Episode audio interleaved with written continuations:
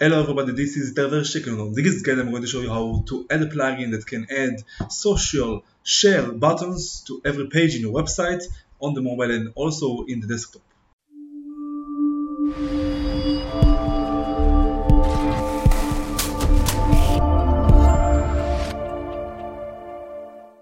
Okay, so in order to add your plugin add to any which display social share buttons wherever you want, you have to download the plugin right here on add a new plugin, below plugins, and you write on the search add to any. Now, this is the first plugin that you need to install. Just click on install now and activate it. And as you can see, it has a lot of reviews, good reviews, more than 400,000 of active installations, and it's compatible with your version of WordPress. So just activate it. And then you will see the settings. Below you have settings and add to any tab, just click on that.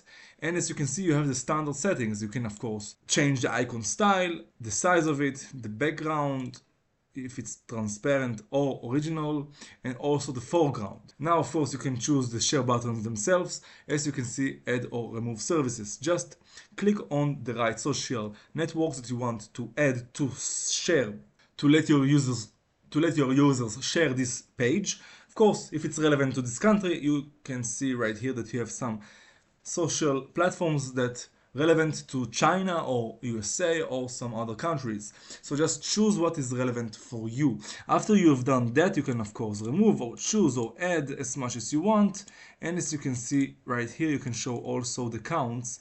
It doesn't include that on any other platform, as you can see just on Pinterest, but you can choose that. And then you continue on to change the universal button if you want to change it right here for an image URL to the other image or just for text. Just write your text instead of this image, of this plus button. Or make it none if you don't want to add any other platform on the share. It looks like this. As you can see, it's floating right here. And I just click on this plus button and it gives you more options. So it's good to keep it, as you can see right here. Of course, you can uh, show the count if you want. Just click here, check it and save changes. There you can see how many shares you have for every platform, of course, if it has the count. Let's keep it the plus button. So right here you have the placement to display it at the bottom of posts pages, display of the bottom display at the bottom of posts on the front page, at the bottom of posts on the archive pages also and of course the posts on in the feed itself. You can display it on other places on other post types like products portfolio shortcodes my templates wherever you want. And of course you can add css or javascript if you know what you're doing and some of the advanced options if you know what you're doing you can of course add that as well. It of course helps you to keep the cache add to any locally with daily cache updates helps you to speed up this option. And also if you want to use custom icons you can do that as well with file name extensions. So after you have done your changes you can save the settings and go to floating. This is what you can see right here. The vertical buttons that appear here not the horizontal. But if you want to keep the horizontal buttons you can do that as well.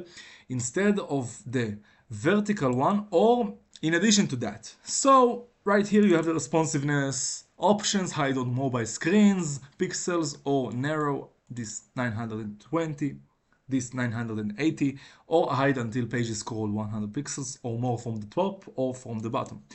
Also you have the position, the pixels from the top and the offset pixels right here from left to right and of course the icon size by pixels and background if it's transparent or not. You can choose the color.